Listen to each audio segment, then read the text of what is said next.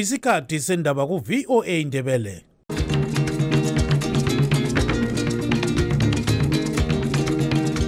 amatshono zihlobo siyalamukela kuhlelo lwethu lwezindaba eziphathelane lezimbabwe kustudio 7 eye voice of america sisakaza sisewashington dc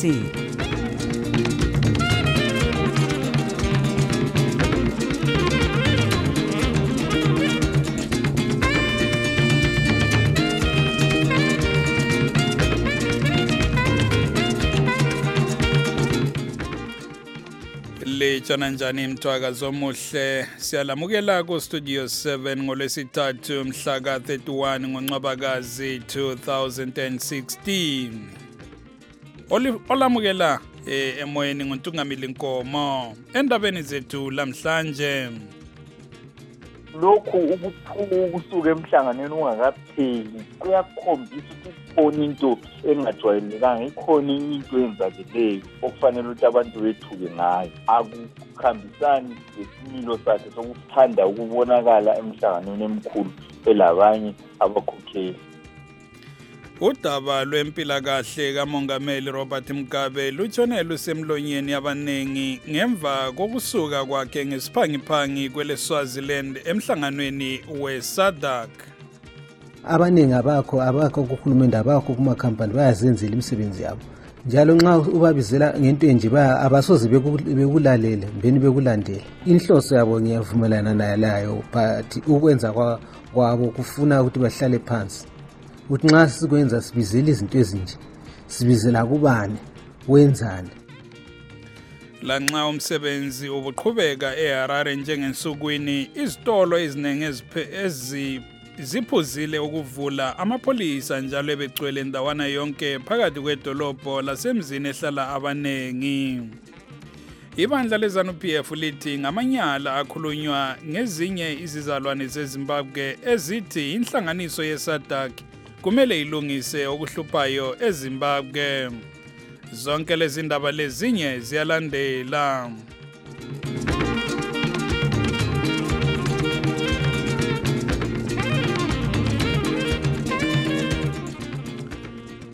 Udaba lwempilakahle kamongameli robert mugabe lutshone lusemlonyeni abanengi namuhla ngemva kokubana esuke emhlanganweni wesadak ngesiphangiphangi izolo ebusuku kwele-swaziland esiya kwele-dubai. Amanye amaphephandaba azimeleyo athi umgabe engaba egijimele kwele dubai ukuyabonana labodokotela bakhe ngoba engezwa kuhle. Umhlangano wesadak lo uqale ngomvulo njalo uphele namuhla.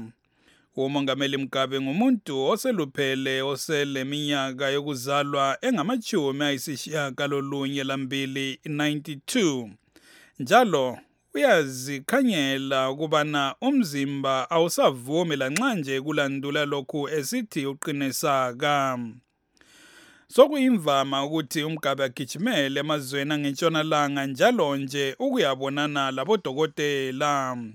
Isikhulumeli sikamgabe umnumzana george charamba walile ukukhuluma le-studio 7 ngalolu daba. Sixhume ingcwethi kwezombusazwe umnumzana mlamuli nkomo. Eminyakeni yonke le edlulileyo umgabe engumuntu obusayo kwaziwa kakhulu njengomuntu olothando lwemihlangano le ephezulu egoqela yabo-sadc egoqela yabo-african union egoqela o-united nations. Lapho kuhlangana khona kulezinye inkokheli u- ubizwa asabeli kulothando kakhulu emhlangano enjalo. Lokhu ukuphuka ukusuka emhlanganweni ungakapheli kuyakhombisa ukuthi ikhona into engajwayelekanga ikhona enye into eyenzakeleyo okufanele ukuthi abantu bethuke ngayo. Akuhambisani lesimilo sakhe sokuthanda ukubonakala emhlanganweni emkhulu elabanye abakhokheli. Lanxa ehamba nje umuntu omdala umbone laphana unkomo uhambe ezihudula nje uhudula inyawo. Kuyini okwehlulayo kanti ukuthi uhulumende azise uzulu nxa kuyikuthi kezwa kuhle? Inkinga ekhona ukuthi uhulumende wakithi akalayo indaba okuthiwa yi-transparency or i-openness ngabakhokheli. Bathanda ukuthi benze angathi impilakahle kamongameli is a private issue. Kanti okweqiniso ukuphila kahle kumbe ukugula komuntu ongumongameli kuyinto okufanele yaziwe ngumphakathi ukuthi benze ama-decisions bekwazi ukuthi kanti umuntu osiphetheyo nje umuntu ongumongameli wethu uphile kongakanani emzimbeni lasengqondweni. Inkinga yikuthi uhulumende siwakwenza ngasonke isikhathi ukuthi kufanele asihle ngempilakahle kamongameli kanti kufanele abantu babe lalo lolo lwazi ukuthi kwenzakalani kulaba abangama-public officials kulaba abakhokhelayo esikuvamileyo kubona imibiko belandula lokhu belandula lokhu kodwa kabakhiphi imibiko bechasisela uzulu ukuthi kwenzakalani. Iminyaka yonke le ephethe uhulumende uzitshengisele njengomuntu ukuthi yena ufuna ukubusa aze angene egodini. Umnumzana mlamuli nkomo ucubungula ezombusazwe sixoxela ekwele South Africa.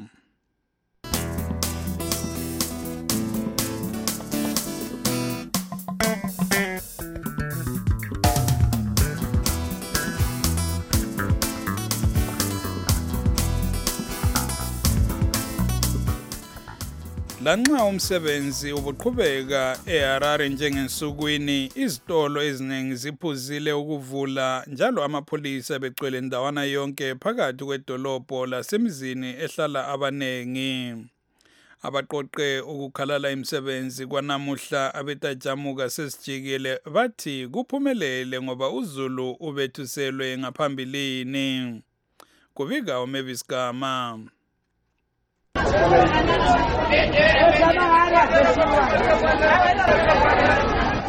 Ubeqhubeka ngemisebenzi yakhe uzulu ophila ngokuthengisa impahla ezindala emikambo ehlukeneyo yeharare okugoqela esilindweni samabhasi esiku-4th street. Lanxa bekuvuliwe edolobheni bekungasi kwensuku zonke bebebalutshwana kakhulu abantu nxa kuqathaniswa lakwezinye insuku zaphakathi kweviki njalo kuyikuphela kwenyanga.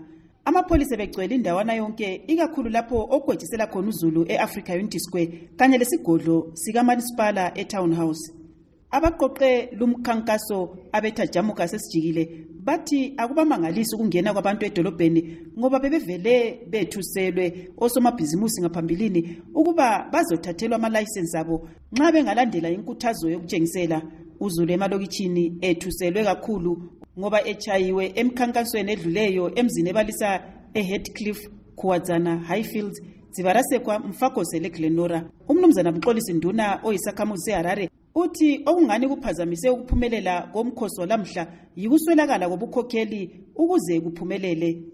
Ngoba nxa bebizela bekuma um kuma-social media ukuthi kuzakwenza le nto enje inje kuyachiyana lolokho okwenzekala ngosuku lwe-petition e-election ngoba leyana yayikhokhelwa ngalaba abakhokhela amabandla abo. Laba abala muntu obakhokhelayo baphonga ukukhuluma nje bevela lapha lalaphayana bevela bakhuluma njengabantu abasemlindini abangela ngitsho ukuthi ozangena lapha ngubani. Injongo yabo angisoli ngibona iqondile kakhulu kodwa bafuna ukuthi babe lokubambana okuqinileyo bebe lobukhokheli obubambeneyo obuzwana obuzwakalayo ukuthi ya lokhu kuvela kumuntu onje. Wengeza unduna ethi enye imbangela yokuba alisaqhatshwanga iningi selingabaphila ngokuthengisa. Abaningi abakho abakho kuhulumende abakho kumakhampani bayazenzela imisebenzi yabo njalo nxa ubabizela ngento enje abasoze bekulalele mbeni bekulandele. Inhloso yabo ngiyavumelana nalayo but ukwenza kwabo kufuna ukuthi bahlale phansi. Ukuthi nxa sikwenza sibizela izinto ezinje sibizela kubani? Wenzani? Njalo kutshoni kuye umuntu kumuntu yena lo njalo lathi esikufisa ukuthi kwenzakale kungenzakala yini? Ngoba sizakuyela ukuya emsebenzini sekele ukuhola. Sizalamba kuze kuyofika nini sokuyithiwa ngesikhiwa i-hunger strike asiwo strike. Abethajamuka sesijikile bathi bezoqhubekela phambili ngemikhankaso yokutshengisela ngendlela ezehlukeneyo. Kulimele osakhulayo oyedwa kwabotshwa abathathu emzini weglenora lapho okuqhamuke khona udlakela amapholisa exotshanisana labekade betshengisela. Kuqhamuke udlakela njalo emzini we-headcliff lapho abasakhulayo bephazanyiswe ngamapholisa ekutshengiseleni kwabo ngimele istudio 7 ngiseharare ngingumavis gama. Lanxa kobulawayo bekulilanga elifana lamanye nje wonke amalanga abathwala isihambi abamavinkili kanye labaphila ngokuthengisa be- bezisebenzela. Kuke kwaba lokuxokozela okuthile amapolisa echaya abantu ekade bezama ukutshengisela abebulawayo youth arise e-city wall kwabotshwa le ntatheli zindaba kubika unompumelelo moyo. Noma nje ubulawayo engatshengiselanga amapholisa ahlomileyo avuke ezulazula emalokitshini ledolobheni kwathi abasakhulayo bebuya abakade bejonge ukutshengisela baphanye bachithizwa ngamapholisa kwabotshwa inkokheli zayo kunye lentatheli zindaba eyodwa. Owenhlanganiso ye-abameli human rights lawyers umnumzana tinei mukwewa utshele istudio 7 ukuthi intatheli zindaba uchrispen tavura kunye labanye abasakhulayo umkhokheli webuya umnumzana alfred ziruthe labanye bakhe ababalisa ulwandle olubanzi ndebele uplaxedistenge uhampton maphosa uleni kuzwarirwa lomthokozisi ncube babotshiwe sikhuluma nje basezandleni zamapholisa. Udziruthe kubikwa echaywe walimala kakubi ekhanda. Kuthi lomunye umama othengisayo esangweni le-city hall laye utshaywe kabuhlungu. Intatheli zindaba uthavura ubotshelwe ukuthatha izithombe njalo amapholisa yiwo achithize abakade befuna ukutshengisela bengonanga laloba bebazisile amapholisa ukuba bazatshengisela. Iningi labakhulume lestudio 7 bathi yebo esigodlweni batshengisele kodwa bona ngeke bavala ubulawayo ngoba evele evaliwe ngoba amafekithali kudala avalwa. Umnumzana george ncube umtshayeli wezimota ezithwala abantu uthi uqale umsebenzi ngovivi kakaboni abantu betshengisela njalo lamapholisa ama emigwaqweni abakho noma nje behambahamba elokitshini lenkulumane echabalala lesizinda kunye ledolobheni mina ngisebenzisa ukuthwala abantu ngumtshayeli katova kusukela kusukela ngo-five ekuseni sokuze kushaya isikhathi zantambama lokhu embathwala. Kodwana angikaboni okubi lokhu embathwala akula kutshengisela okukhona. Amapholisa azigqokela amayunifomu abakuleni abanye bakuma-yunifomu lokhu embathwala angikaboni idakela vele enkulumani nje izinda tabalathawona angikaboni okubi. Uncube uthi noma nje bebefuna ukutshengisela sebabona ukuba kufana lokuthela amanzi emhlane wedada. Njalo lohulumende sithi kabuye ngapha kobulawayo ezovula amakhampani elungisisa indaba yamakhampani wona hayi lokhu kube lokhu etshaya abantu ehlukumeza abantu kwesikubona eharare akuncedi. Kabuye ngapha kobulawayo vula amakhampani ezokuziqiniso lapho esilale unkosikazi nomathemba sibanda othengisela egodini yena uthi akazange ebone muntu otshengiselayo njalo akaboni kusiza ukutshengisela ngoba uziqhatshile lebhizimisi iphansi lezi insuku. Mina ngumama ozithengiselayo ngisangilapha egodini kobulawayo. Yikho thina namhlanje bekuthiwa kulokutshengisela lokhu. Thina sange sikubone lokutshengisela lokhu asiyanga futhi. Ngoba nasiyazithengisela singayibona ngaphi imali nxa singathatheka ngokuyatshengisela lokhu? Thina sithengisa sikhonapha egodini asikuthandi konke lokhu kulokuxokozela. La ihulumende ayiyekele abantu bekhululeke bezithengisele ukuze bezuze imali zokuziphilisa ngoba nayisozikwanisa ukukholisa abantu bonke lokho kudlanyana. Noma nje ubulawayo engatshengiselanga amapholisa ahlomileyo abonakale kusukela izolo ezulazula emalokitshini ledolobheni. Sokuyizinyanga ezingaba ngezintathu kulokutshengisela kwabantu endaweni ezehlukeneyo zelizwe bekhonona ngesimo esingasihle esiselizweni kwezenotho lakwezombusazwe abanye besithi umongameli robert mugabe lohulumende wakhe kabehle esikhundleni ngoba sebehlulekile ukubusa ilizwe. Ngimele istudio 7 yikobulawayo ngingunompumelelo moyo.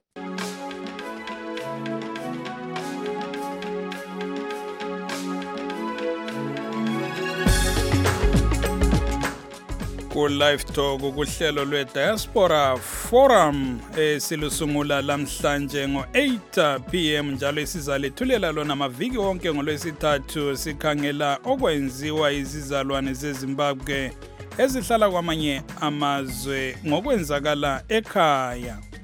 Thumelani i-text message kunombolo ezithi 001 202 465 0318 ukuze silithinte ecingweni lingene kuhlelo.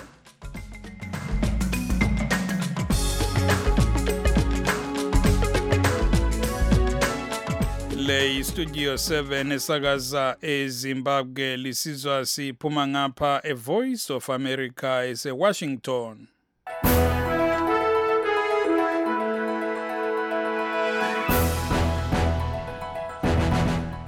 singene kwezivela kwamanye amazwe. Amagqwetha akhokhela udaba lokubamba ngamandla umongameli Dilma Rousseff ukuthi achiye isikhundla sokukhokhela eleBrazil abikwa eqhibe imibono yawo lezizathu zokuthatha lawo manyathelo. Umbiko ophathelane lenani lendlovu emhlabeni jikelele oyethulwe lamhlanje ngabenhlanganiso ye-great elephant census uveze ukuthi elakusasa lenyamazana lezi lisengozini enkulu ngoba sezibulawa mahlayana ngabazingela okungekho emthethweni bemfuna impondo zazo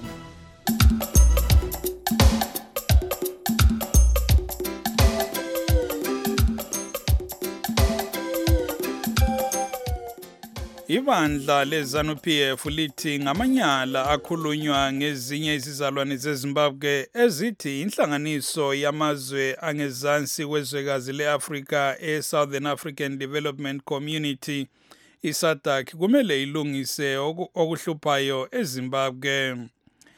Abalandeli bebandla leli abagoqela umnumzana Farai Muvuti lomnumzana Effort Nkomo bathi abahluphayo ngabaphikisa uhulumende kamongameli Mugabe abafuna ukumkhipha embusweni.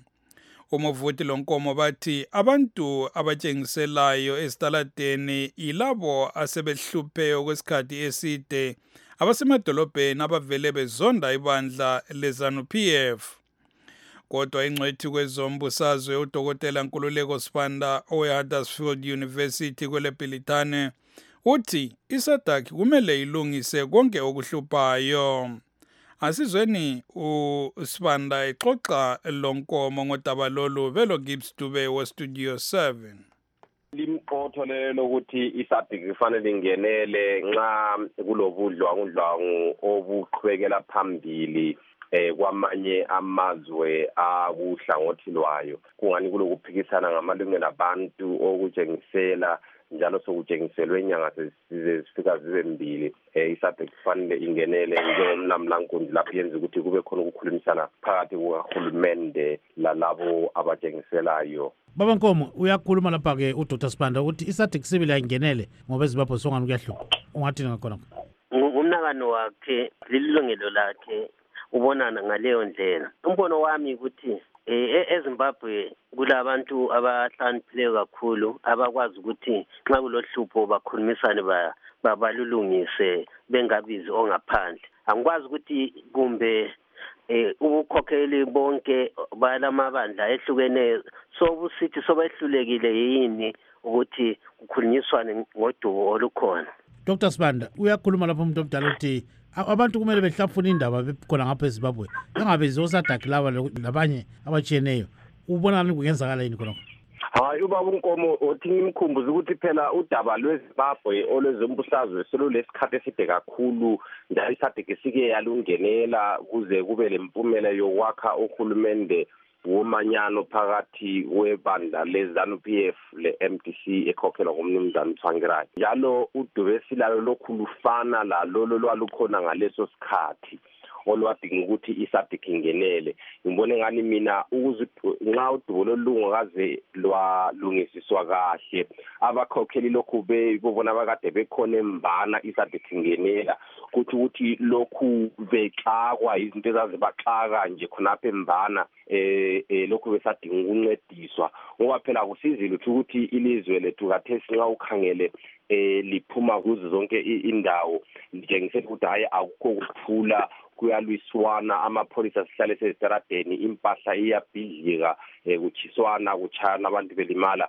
Ngibone ngani mina akukho esinye isizathu esingatholakala emhlabeni esokuthi singenele kube longenelayo esithi hayi khulumisanani lakhe ukuthula lenze ingqubekela phambili. Ye phela babankomo lapha kudingakala umlamulangozi njengoba-ke ekubeka sobala udr. Sibande sithi kukhanya elizweni kuvele kuyahlupha kathesi. Awubona ukuthi ungahamba njani? Ngiyakuzwisisa akhuluma ngakho okumele sikukhangele inhlangothi zonke ukuthi nxa ngilensolo engifuna ukuthi ngibonakale ukuthi kulensolo kangiyilungise kuhle ngisole ngiphume ikhoti nganika ilungelo lokuthi hambe edemonstrator ngiyedemonstrator kodwa ukudemonstrata kwami kungabi yikuthathela abantu abazama ukuzithengisela impahla zabo. Khonokho kakuqondanga engikubonayo ukuthi angikaboni abakhokheli abehlukeneyo abakasukumi bathi asikhulumisaneni umnotho sesesodwa lapha. Mbona akukafiki kuleso stage. Hayi umuntu omdala phela sokufikile phela. Ngithi kathesi nxa ukhangela abakhokheli bamabandla aphikisayo sebehlangane bavumelana ukuthi kufanele siqhubekele phambili sitshengisela ngoba kulento ezithize ezingalungiswanga ezifana lemithetho yokhetho lezinto ezifana lazenezo um ihlangothi olodwa olungekho yilo olwezanu p f oluhulumende njalo. So abanye abakhokheli bavumelene kulokuwelelana. Lapho lizwe incwethi kwezombusazwe udokotela nkululeko sibanda ofundisa eHuddersfield University kwelebhilithane exoxa ndawonye lomnumzana efort nkomo owebandla lezanu pf bebelokhu ibsidube westudio 7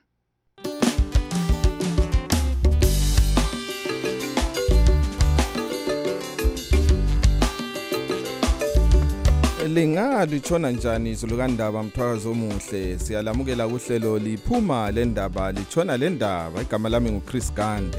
Lamhlanje kuhlelo lwethu sixoxa lo mnumzana dumisani muleya unozindaba. Okwakuqala ngiyakwamukela kuhle ngiyabonga mnumzane kanje okumemela kwemhlelweni lakho. Ungasitshela ukuthi ubona njani okwenzakalayo lokhu lezi nsuku? Sibona ungani intatheli zindaba ziyahlukuluzwa njalo ziyabotshwa? Ye singathi nje um okwenzakalayo lapha yikuthi njengoba sekulobudlwangudlwangu bezombusazwe lapha. Kusho ukuthi uhulumeni uhulumeni kamongameli umgabe singathi senkingeni kakhulu ngoba ngesimo somnotho lapho siyabona nje abamaqembu aphikisayo siyabona nje abe-civil society kanye labanye abantu hlangana sebehlangana ukuthi balwisane nohulumeni kamgabe ngenxa yokuthi bathi sehlulekile ukubusa bathi sehle ngathi umeja ezomnotho kuhle. So kusho ukuthi lapha ama-journalists selo umsebenzi omkhulu kakhulu ukuthi abhale okwenzakalayo phansi lapho. Um babe senza njalo. Njengoba kulezi nsuku sekusetshenziswa kakhulu into esingathi ezi-social media lezi. Ama-journalist ekhangelwe kakhulu nguhulumende lapha ngoba sekuyibo abantu bayenza ukuthi abantu babekwazi ukuthi uhamba njani kahle kahle. Nokuthi ngezindlela bahlanganise abantu laba abayibo ababhikisha emgwaqweni belwisane nohulumende kamgabe. So kusho ukuthi uhulumende segijimisana lapho. So intatheli sezisesimeni esingathi sibucayi kakhulu ngenxa yokuthi uhulumende ajabuli ngemisebenzi yabo manje kuyini okungenziwa ukuze kwenqabelwe khonokho? Um into esiyenzayo nje njengabahleli bamaphephandaba lapha kwele zimbabwe kulezi nsuku senza ukuthi sihlale phansi lezi ntatheli zethu zizitshele ukuthi uma ziphuma la emahofisini siyangena emgoqweni siyabhala um okwenzakalayo kumele zinanzelele kakhulu ngoba njengoba sesibona imigwaqo yezimbabwe lapha sokuhlala kugcwele amapholisa kathesi ngivele edrobheni njengamanje ngisiza lapha engikhona kugcwele amapholisa imigwaqo yonke igcwele nje ama-truck amapholisa ema amalokozene eh trucks lawa asebenzisa amanzi amanzi lalezi esingathi i-tear gas bagcwele yonke indawo. So ukuthi ukuthi eh ngaphandle kokuthi abantu nje jikelele basengozini yokuthi noma yisiphi isikhathi bangagijimisana namapholisa um lezi ntatheli lazo zisengozini yokuthi zingatholakala phakathi kwabantu abalisanayo abantu abalisana namapholisa lapha street crossfire. So ukuthi siyabatshela ukuthi bananzelele kakhulu uma besenza umsebenzi wabo ukuthi bangaze bazithole sebese engozini eh nxa besenza umsebenzi kodwa yena uhulumende uyaxoxa yini uyakhulumisana yini le ntatheli zindaba ukuze zisebenze kahle? Ukuxoxisana kukho kona phakathi kukamnumzana uminister ophethe eze-information ongqongqoshe we-information uchris kurumeri eziphathele uhlezi nje esiza abahleli ama-editors lentatheli zabo hlangana khona ngale ofisini. Nxa kuyikuthi abajabuli ngezinye izinto esizenza bayasiza. Ngiyazi ukuthi ngeviki nje ephelele uye wabiza omunye umhleli wephephandaba eliphuma nsuku zonke lapha elizimele lodwa esiyakhonona ngoba esithi indlela iphepha lelo elibhala ngayo lokusebenzisa lokhu esingathi nje ama images e-social media abajabuli ngakho. Kuyaxoxiswana but kuyaliswana kuphinde kuliswana so kuliswana kukhulunywa kuliswana kukhulunywa. Ngoba thina siyizintatheli asifuni ukuthi sivumelane le ndlela le uhulumende afuna ukuthi sisebenze ngayo. So kusho ukuthi ngaso sonke isikhathi uzothola ukuthi siyadonselana ukuthi indlela yokuthi sisebenze kuhle yiphi but siyaxoxa labo kodwa sivumelani labo ngesikhathi esiningi hayi silifisela inhlanhla. Siyabonga. Ungavalelisa abalaleli? Hayi mina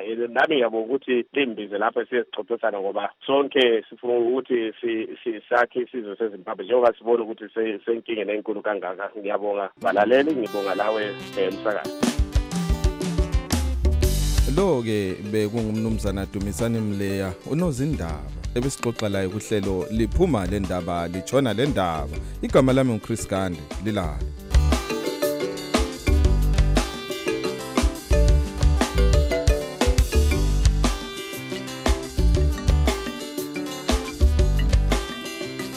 Siyabonga jaha lezansi ngohlelo liphuma le ndaba lishone le ndaba.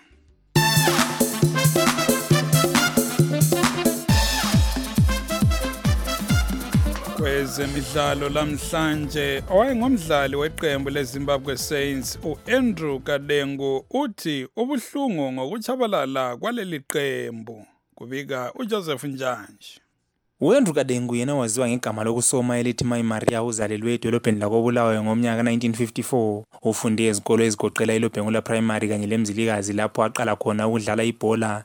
Ikanti iqembu lakhe lakuqala bekuliqembu le-eastlands elabasakhulayo lapho adlale khona labadlali ababalisa utommy masuku kanye lomuyi utimon mabaleka. Ngomnyaka 1967 ungene kuqembu labakhulu ele-eastlands kwathi ngemva kweminyaka emibili wasebhekisa amabombo waqonda emangura ngisembambula khona hale ngangidlalela ibambula alaska mine.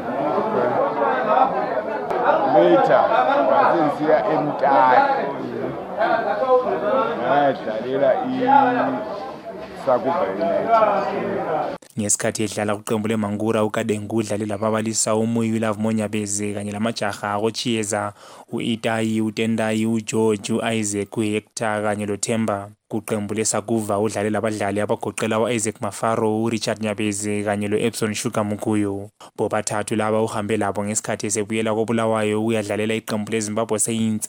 Lona elalisaziwa ngokuthi yimashonaland united ekupheleni komnyaka ka-1973 ukadengu labanye bakhe badlalele iqembu lezimbabwe saints ngemva kokubizwa ngomuyi owaba ngumphathintambo kahulumende ekutholeni kwelizwe uzibuse uherbert ushewogunze ukadengu udlale kuqembu lezimbabwe saints okweminyaka edlula elithumi njalo uphakamise inkezo ezigoqela i-castle cup ichibuku trophy i-bat rose bowl inyorenyore i-rothmans shield kanye lesicoco seleague. Uthi ukuchabalala kweqembu lezimbabwe saints lona eselidlala kusigaba sika-division 3 kumzwisa ubuhlungu kakhulu.